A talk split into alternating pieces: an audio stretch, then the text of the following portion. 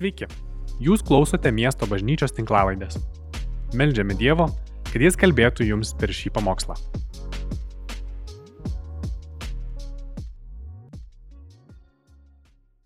Sveiki visi. Geras su jumis sveikintis iš mūsų koplyčios, iš mūsų studijos.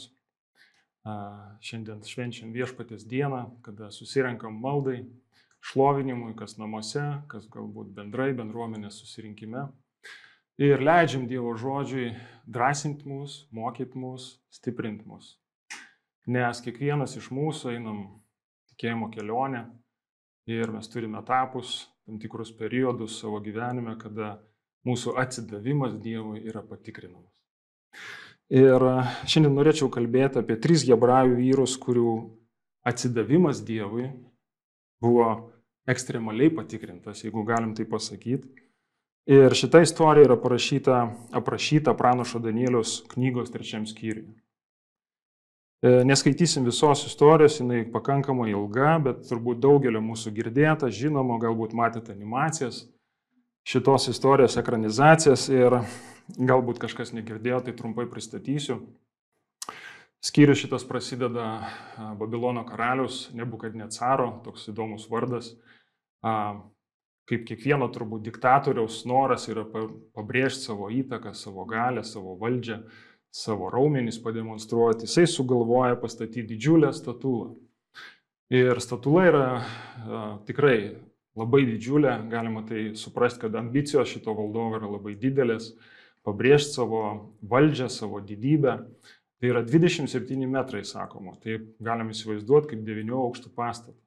Tai praktiškai visi gyventojai apylinkių, jie iš visų savo kiemo kampelių galėjo matyti šitą statulą.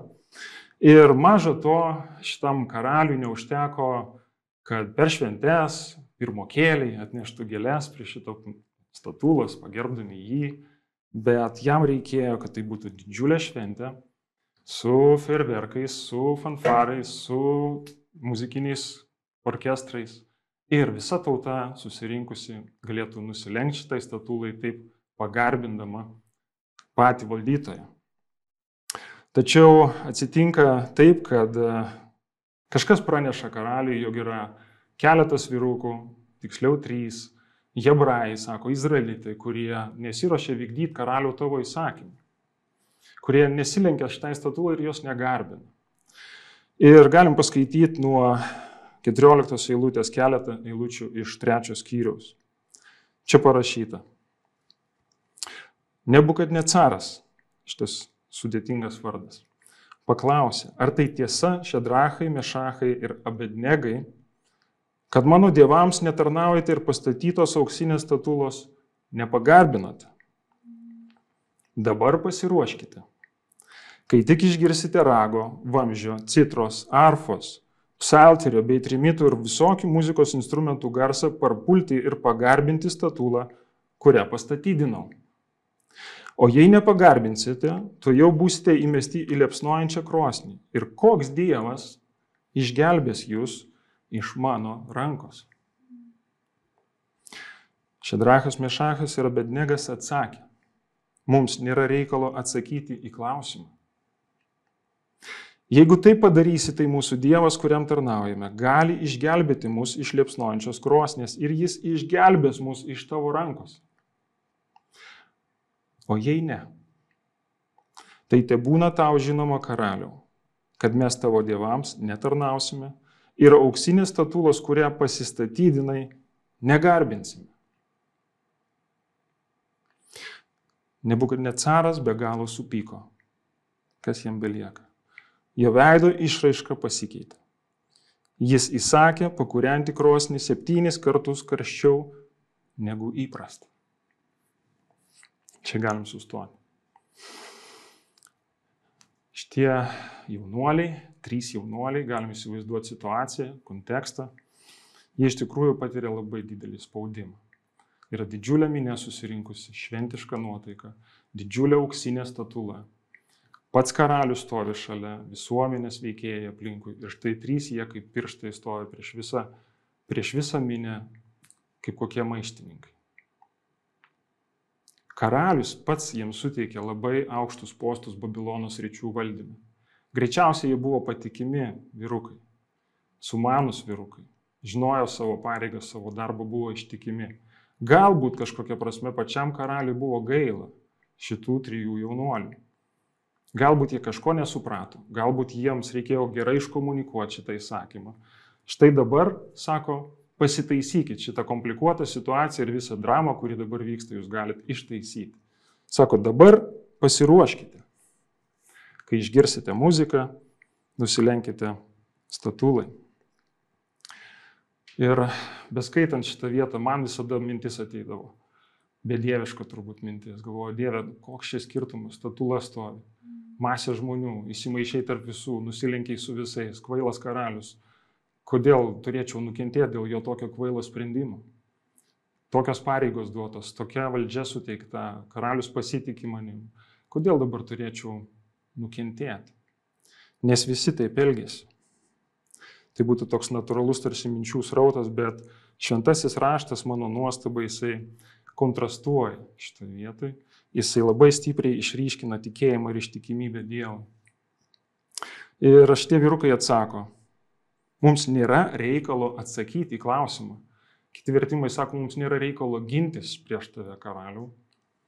Jeigu tai padarysi, tai mūsų Dievas, kuriam tarnaujame, gali išgelbėti mus iš liepsnojančios krosnės. Ir jis išgelbės mus iš tavo rankos. Mes tavo dievams netarnausime, auksinius statulos, kurie pastatydinai, negarbinsime. Atrodytų tai kvailas išdidumas. Kodėl jie taip elgėsi? Ir tikrai neturėtumėm pamiršti, jog Izraelis skyrėsi nuo visų aplinkinių tautų savo religinę Dievo sampratą ir tikėjimo praktiką labai stipriai pagrindinis Izraelito atsakymas kitataučiui, kad ir savo tautiečiui, jis būdavo labai toks um, tikėjimo tarsi išpažinimas. Dievas yra vienas. Izraelitas sakydavo, Dievas yra vienas. Pakartoto įstatymo ketvirtas. Klausyk Izraelį, viešpats mūsų Dievas yra vienintelis Dievas tas vienintelis Dievas kaip kuriejas. Ne vienintelis tarp visų dievų, tarp daugelio įvairių dievų. Apskritai vienintelis. Nėra kito Dievo šalia šito Dievo, šalia kurėjo, kuris sukūrė dangų ir žemę. Ir aplinkinės tautos jos turėjo panteonus dievų, daugybę dievų, galbūt šimtai dievų, amuletai, talismanai, apyrankės, įvairūs dalykai, ką žmonės turėdavo namuose ir garbindavo sėkmės dievas, maisto dievas, meilės dievas, karo dievas ir taip toliau. Lietuviai, mes garbinam daugybę dievų, mes nesiskiriam taip pat nuo aplinkinių tautų, tačiau Izraelis buvo labai keistas, išskirtinis. Taigi šie hebrajai, jie buvo išmokyti nuo mažens. Komentatoriai šitoje vietoje sutartinai, sutartiniu balsu tarsi kalba, kad kodėl jie buvo tokie tvirti, Kodėl jie negalėjo tiesiog nusilenkti, pagarbinti, paklust karaliui ir gyventi toliau? Nes tai yra mokymo pasiekmė. Visi sako, tai yra dėl to, kad jie buvo mokyti nuo mažų dienų. Įstatymas buvo žinomas tarsi su motinos pieno ateidavo visom kartom, vaikams, paaugliams ir taip toliau. Pats Dievas išsako žodžius mozei, kuriuos jisai turi perduoti tautai. Pažiūrėkite, išėjimo knyga, 20 skyrius, nuo trečios iki penktos eilutės. Dievas sako, neturėk kitų dievų šalia manęs.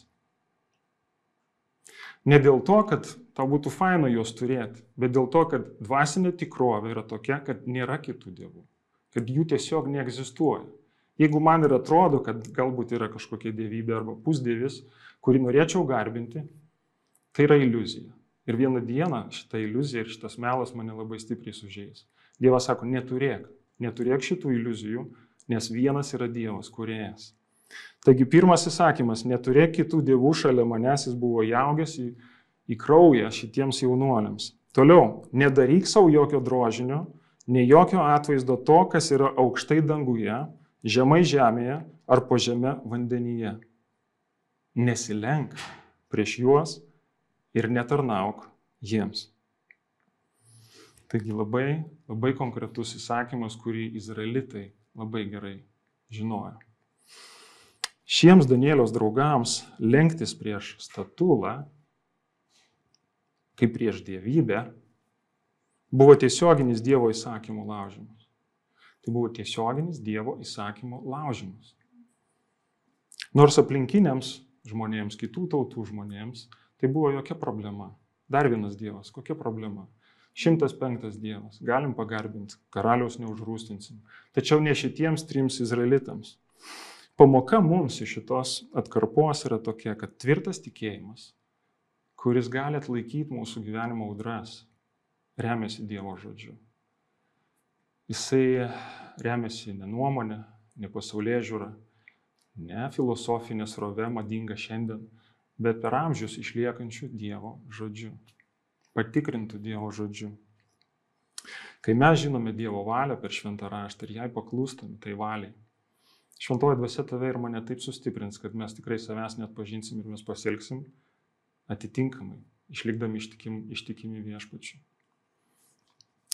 Toliau, nuo 19 eilutės pasakyta, Nebukadnecaras be galo supyko, jo veido išraška pasikeitė.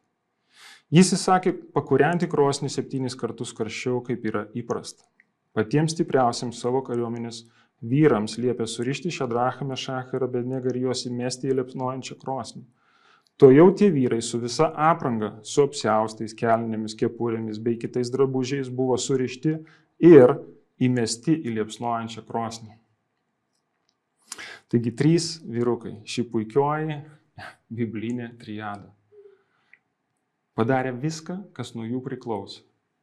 Jie buvo drauge, jie palaikė viens kitą, jie kalbėjo vienu balsu, jie drąsino viens kitą, jie buvo ištikimi viešpačiui. Jie pademonstravo ištikimybę Dievo visos tautos akivaizdoje. Jie turėjo tą teisingą tikėjimą ir teisingai elgėsi pagal tą turimą tikėjimą. Ir vis dėlto jie neišvengė išbandymų. Jų nepaleido, karalius nebuvo sužavėtas jų stiprumu, jų nepasigailėjo ir įmetė juos į degančią krosnį.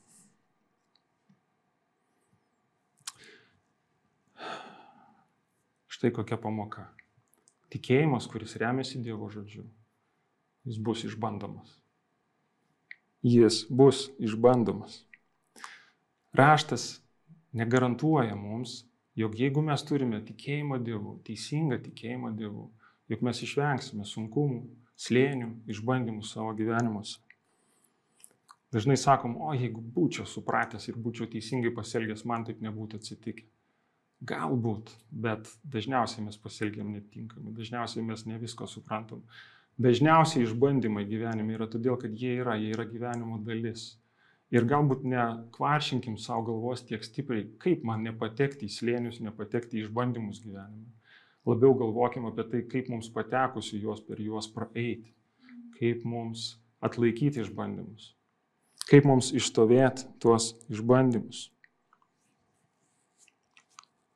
Tikėjimas, kuris remiasi Dievo žodžiu, bus išbandomas. Toliau.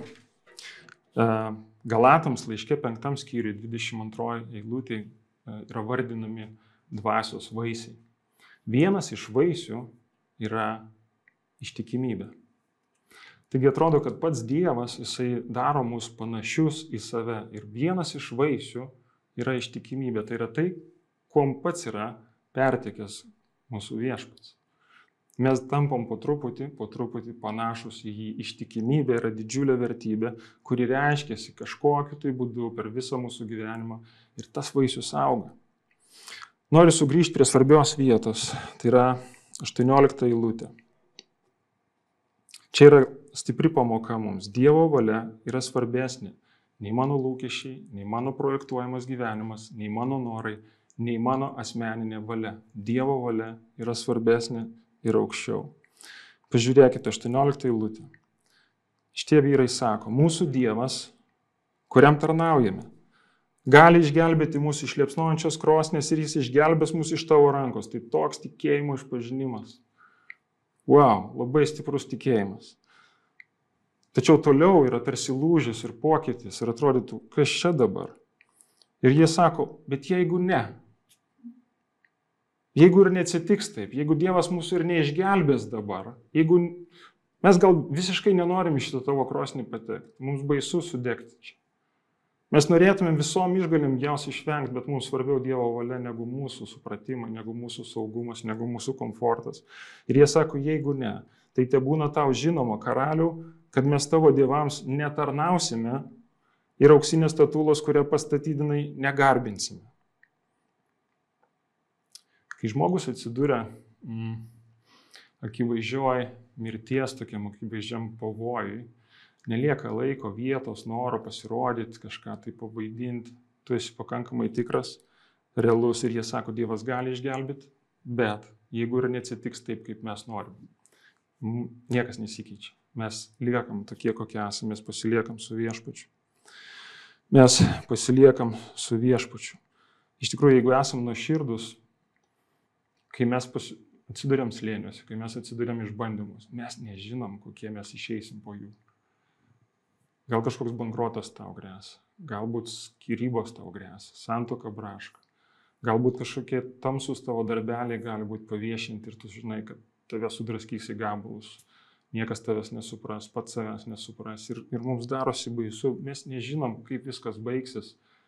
Mes kaip tikinti žmonės suvokiam, jog Dievas be abejo gali išgydyti, Dievas be abejo gali aprūpinti, Dievas be abejo gali išgelbėti, jokios problemos nėra su Dievu, bet mes neturim jokių garantijų, kaip viskas įvyks, ar Jis padarys būtent taip, kaip aš noriu. Aš pati išgelbėk mane iš šitos krosnės, nes, nes net minties negaliu pakelti, jeigu man reikės ten eiti. Jaunuoliai turėjo progą pasitaisyti, karalius visuomenės akise, bet liko ištikimi savo Dievui savo pačių nenaudai. Su kokiu iššūkiu šiandien susiduri tu? Galbūt kaip tu esi gundomas šiandien? Galbūt nedaug turi jėgų ir nori viską mesti? Galbūt tu galvoji, jau galvoji, kad Dievui visai nerūpi, kaip tu gyveni, kaip tu elgiesi kad neturi skirtumo, ar tu meldiesi, ar tu nesimeldi. Laikai savo rankas šventume, ar gyveni kaip visi. Aš noriu tave padrasinti, brolis esi, aš noriu tau priminti. Jeigu Dievas tave pašaukė, Jis praves tave. Ta vaisių ištikimybės Jis užaugins tavyje. Lik ištikimas. Lik ištikimas. Kai Evangelijose didelė minė sekė paskui Jėzų. Labai gražus toks momentas. Parašyta daugelis mokinių, net ne minė, mokinių pasitraukė nuo Jėzus. Galbūt jie nebesuprato, ką Kristus kalba, galbūt per mažai duonos padaugino, galbūt nebebuvo taip faina, galbūt nebebuvo taip saugu. Ir jie pasitraukė. Jėzus atsisuka į 12 paštalų, sako, gal ir jūs norėtumėt pasitraukti. Ir Petras sako viešpatė, pas ką mes eisim? Tu turi visus gyvenimo žodžius, tu turi amžino gyvenimo žodžius. Galbūt Petras kaip žmogus norėtų pasakyti, žinai, tikrai Jėzau nesuprantam tavęs, nepagaunam, apie ką visą tai. Mums netgi grasina dėl to, kad mes esam su tavimi. Mums nesaugu, gal mums iš tikrųjų geriau verslą daryti, tyliai tikėti. Bet kažkaip tai jas perskaitė, kad Jėzau, tu turi visus gyvenimo žodžius. Mums geriau pasilikti su tavim. Nesvarbu, kad mums dabar yra sudėtinga, kad mes prarandam draugus, kad mums grasina ir panašiai. Ištikimybė atsiskleidžia tada, kai sunku laikytis to, kas anksčiau buvo paprasta, lengva, bet dabar tapo galbūt nemadinga, kultūriškai, galbūt skausminga, galbūt netgi nuostolinga. Ir aš visada prisimenu garsaus rašytojo, apologeto C.S. Lewiso žodžius, kai jo kažkas paklausė, ar verta būti tikinčiuoju. Jam uždavė klausimą, ar verta būti tikinčiuoju, kokia nauda iš tikėjimo. Ir jis atsakė, kad jei Evangelija yra tiesa, tai ją tikėti apsimoka, netgi jeigu ir nenaudinga. Jeigu Evangelija yra tiesa, ją tikėti apsimoka, net jei tai ir nenaudinga. Šiems hebrajams niekaip nebuvo naudinga stovėti tautos akivaizdoje ir mirti dėl tikėjimo. Bet jie sako, jeigu taip ir neatsitiks, kad Dievas dabar mūsų išgelbės, vis tiek negarbinsim tavo statulas, nepažeisim Dievo įsakymų, nenusidėsim, liksim ištikimi viešpačiu. Žinot, čia yra geras maldos toks pavyzdys. Kai mes melžiamės, kai prašome Dievo kažko, ar dėl darbo, ar dėl savo vaikų, ar dėl sveikatos, dėl karjeros, dėl atostogų, dėl bet ko, Nesusiaurinkim visko, viso rezultato ir atsakymo pagal savo paveikslą, pagal savo lūkesčius. Nesusprauskim Dievo atsakymo, kuris gali būti labai platus, į siaurą mūsų matymą. Likime viešpatės akivaizdai atvirom rankom, tai yra atviri jam. Viešpatė, aš norėčiau, kad būtų taip ir taip. Kasdienės duonos duok mums šiandien.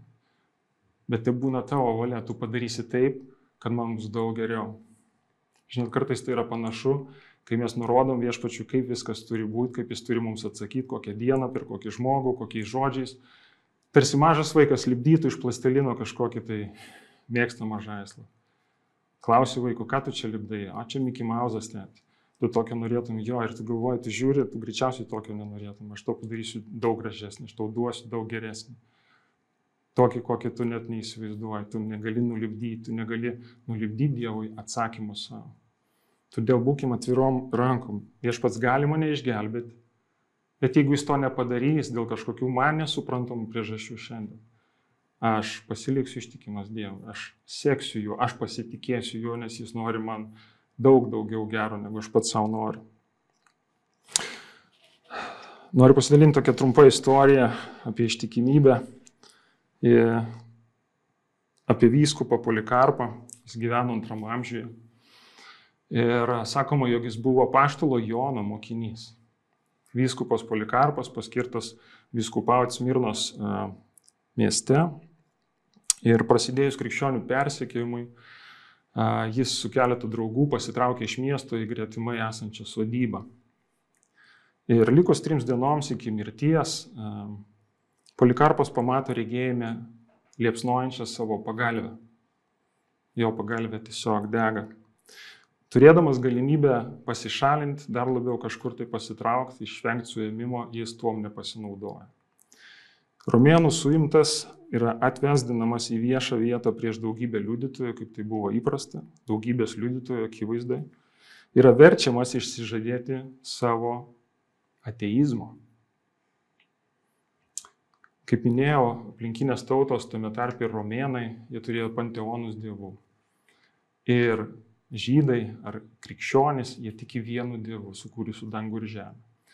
Ir tų žmonių, tų tautų akivaizdoje krikščionys atrodė kaip bedieviai, kaip ateistai. Mes turim šimtus dievų, jūs turit vieną dievą, jūs praktiškai esate ateistai. Išsižadėk šito savo vieno Kristaus, pagarbink imperatorių, kartu su juo visus romėnų dievus ir mes tave šiandien paleidžiam namo. Viskas tvarkoja, tiesiog išsižadėk. Ir sakoma, jog tris kartus buvo verčiamas išsižadėti, saigdinamas, prakeikti Kristų polikarpas. Ir galiausiai jisai atsako tokiais žodžiais. Sako, 86 metus aš tarnavau Kristui. Ir jis nieko blogo man nepadarė. Kaip galėčiau prakeikti savo karalių, kuris išgelbėjo mane? Wow. Ir be abejo, pagal istoriją vyskupas yra sudeginamas ir jokio gailėščio jis nepatiria, jis negali tiesiog išsiginti savo viešpatės. Ištikimybė dvasios vaisius mumise brangieji. Tai yra didelė vertybė ir Jėzaus mokymus. Kai jisai kalba apie tarnams išdalintus talentus, yra gerbiamas arba giriamas ištikimasis tarnas Luko 9, gerai stropusis tarne, kadangi pasirodė ištikimas mažose dalykuose. Toliau sakoma, kad jisai pasako, šaunusis ir ištikimasis tarne teikia savo šeimininko džiaugsmą. Kiekvienas iš mūsų norėtumėm iš viešpatės išgirsti šitos žodžius. Ši skaityta Biblijos istorija vyksta Izraeliui esant okupuotam Babilono. Tauta pavergta pagonių karalius jam vergauja. Daug izraelitų priversti palikti savo namus, laikytis kitos tautos papročių ir įstatymų. Švesti šventes nemielas jiems. Mokėti mokesčius karaliui svetimam. Tai yra laikas, kada izraelitai ilgisi tarnystės Dievui jo šventykloje, tarnystės viens kitam, tarnystės savo švenčių, savo tradicijų, savo tėvynės. Tai yra liūdėsio laikas izraelitams. Ir atrodo nebėra vilties, nes ištikimiausi yra žudomi dėl viešpatės. Ir atrodo viešpats nusisuko dėl jų nuodėmių ir jų nebegelbsti. Šiame laike izraelitams reikalingas ženklas iš viešpatės, kad būtų padrasinti, kad viltis sugrįžtų, kad tikėjimas būtų atstatytas. Žinot, ką Dievas suteikia tokį ženklą. Nes šitą istoriją parašyta pranašo Danieliaus knygoje, o knyga šitą yra pranašiška. Ir 24 eilutė Toliau parašyta, karalius Nebukadnecaras nustebęs skubiai atsikėlė ir klausė savo patarėjų, ar ne tris vyrus įmetėme surištus į ugnį? Jie atsakė karaliui, tikrai taip, karaliu. Jis tarė, aš matau keturis laisvus vyrus vaikščiojančius ugnyje. Jiems ugnis nekenkia, o ketvirtasis atrodo kaip Dievo sunus. Ir dar toliau parašyta, nėra jokio kito Dievo, kuris taip galėtų išgelbėti. Po to karalius išaukština Šadrachą, Mešachą ir Abednegą Babilono krašte. Dievui yra pavaldžios karalystės ir jų karaliukai, valstybės ir jų prezidentai, ministrų kabinetai, partijos, filosofijos, įvairios srovės minčių.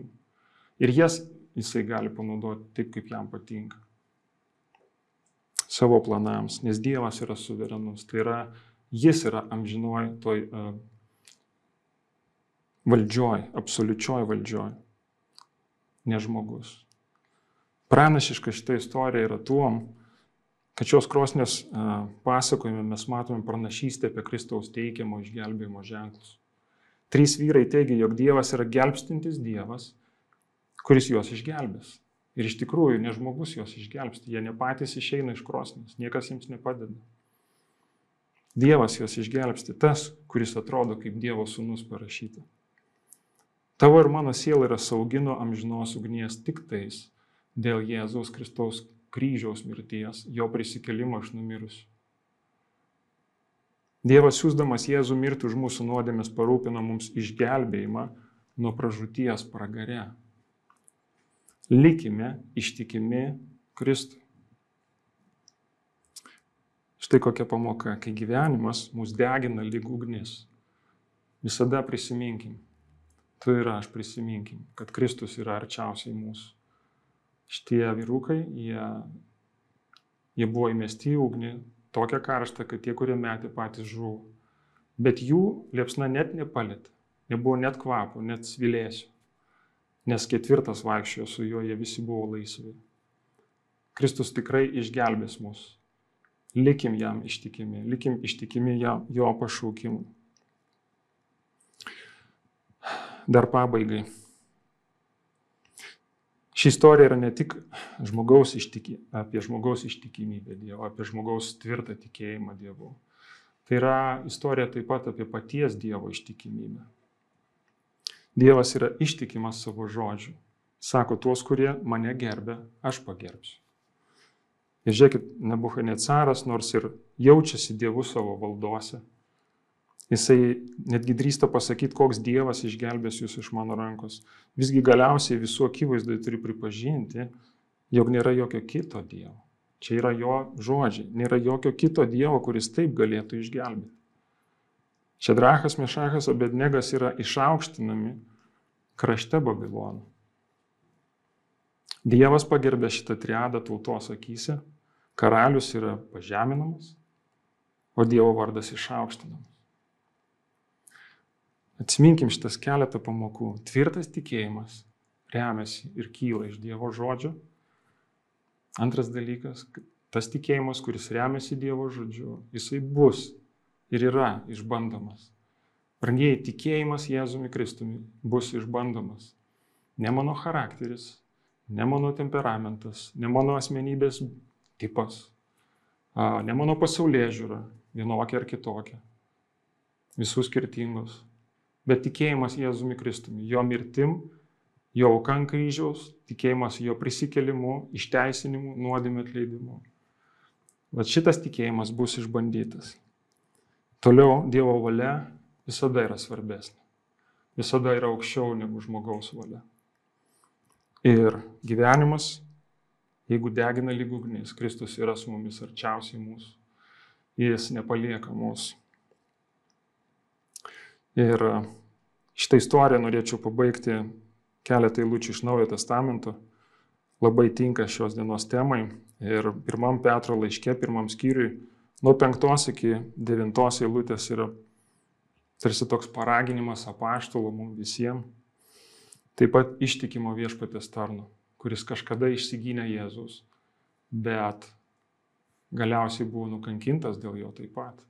Ir jisai sako mums tikintiesiems, Dievo jėga per tikėjimą jūs esate saugomi išgelbėjimui, kuris parengtas apsireikšti paskutiniu laiku.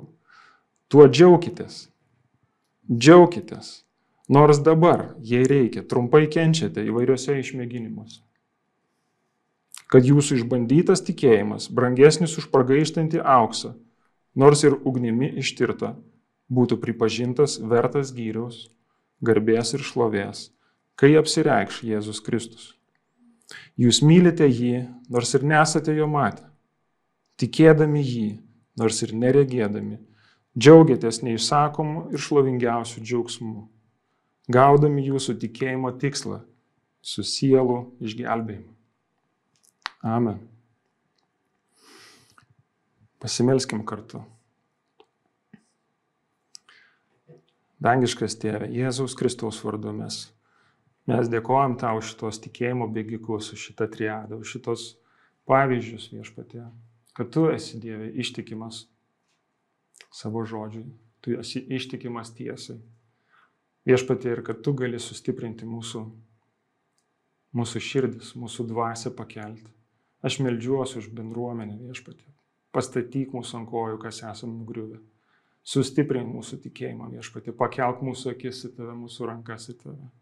Kad viltumėmės tavim, kad mylėtumėm tave, kad bėgtumėm pas tave. Kad remtumėmės Dievę tavo žodžiu ir kai ateis išbandymai, mes nenusteptumėm. Dieve, tavo valia yra svarbesnė ir aukščiau negu mūsų supratimai. Ir jeigu šiandien einam per kažkokį mirties slėnį, tu gali mūsų viešpatė, laikydamas ant rankų pranešti, nes tu esi arčiau negu bet kada.